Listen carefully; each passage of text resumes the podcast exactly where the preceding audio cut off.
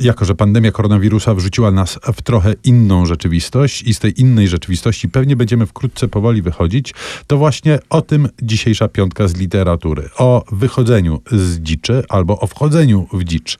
Książki, które z jednego świata przenoszą nas w inny.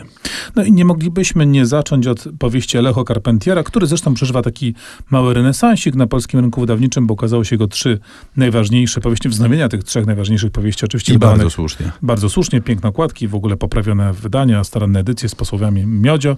Podróż do źródeł czasu to jedna z tych książek, która opowiada y, o wyprawie pewnego muzykologa latynosa mieszkającego w Stanach w głąb Puszczy Amazońskiej. Celem tej wyprawy jest zdobycie instrumentów muzycznych pierwotnych narodów, które zamieszkują Amazonię. To była Ale- taka Biblia hipisów, która w ogóle się e, nie zestarzała i okazuje się chyba być Biblią również współczesnych postępowych e, ruchów. No tak, bo ta podróż, y, polski tytuł, który odbiega od oryginalnego znacząco, jest pewnego rodzaju takim tropem interpretacyjnym. On rzeczywiście mówi o, o tym, co przeżywa nasz bohater. On odkrywa, że tak naprawdę im dalej od cywilizacji, im prostsze te życie ludzkie, im, im mniej udogodnień technicznych i praktycznych, tym prawdziwsze wszystko się staje, tym bardziej namacalne, tym rzeczywistsze, tym głębsze. On jakby odkrywa, odżywa wszystko. Jedzenie, ubrania, miłość, y, y, twórczość, sztuka. Wszystko jest prawdziwsze, y, im głębiej wpuszcza, im dalej od cywilizacji. Ale kryje się w tym pewna pułapka, której no, zdradzać nie będziemy, no bo e, e, przecież byśmy popsuli Państwu przyjemność e, e, czytelniczą. E, Pułapka pokazująca, że powrót do e, pierwotności, do natury jest niezmiernie kuszący, ale czy aby na pewno możliwy?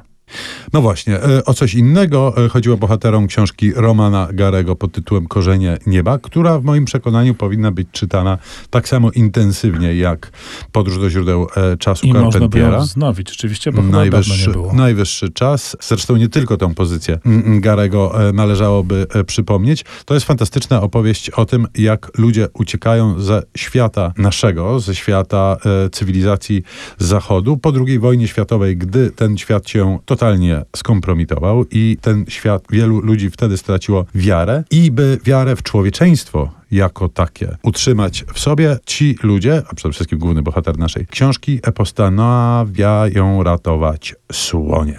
Słonie w Afryce, które są, były i będą, wszystko na to wskazuje, zagrożone wyginięciem. Tam się buduje koalicja na rzecz mm, właśnie ochrony tych zwierząt. Środki są często bardzo radykalne, ocierające się o ekoterroryzm, pewnie tak byśmy to dziś nazwali. Natomiast jest to książka, która rzeczywiście z e, takim pewnym powątpiewaniem spogląda na losy naszej cywilizacji, ale jednocześnie pełna nadziei. E, Ciekawy jestem, jak e, byłaby odebrana e, dziś przez czytelnika. Być może się to jeszcze wydarzy, bo jestem przekonany, że renesans Garego przed nami. No to czekamy na renesans Garego i cieszymy się z renesansu Carpentiera, a skoro Carpentier przynosił nas w głąb Amazonii, to może trochę amazońskiej muzyki, Ennio Morricone i jego nieśmiertelna muzyka ze znakomitego filmu Misja.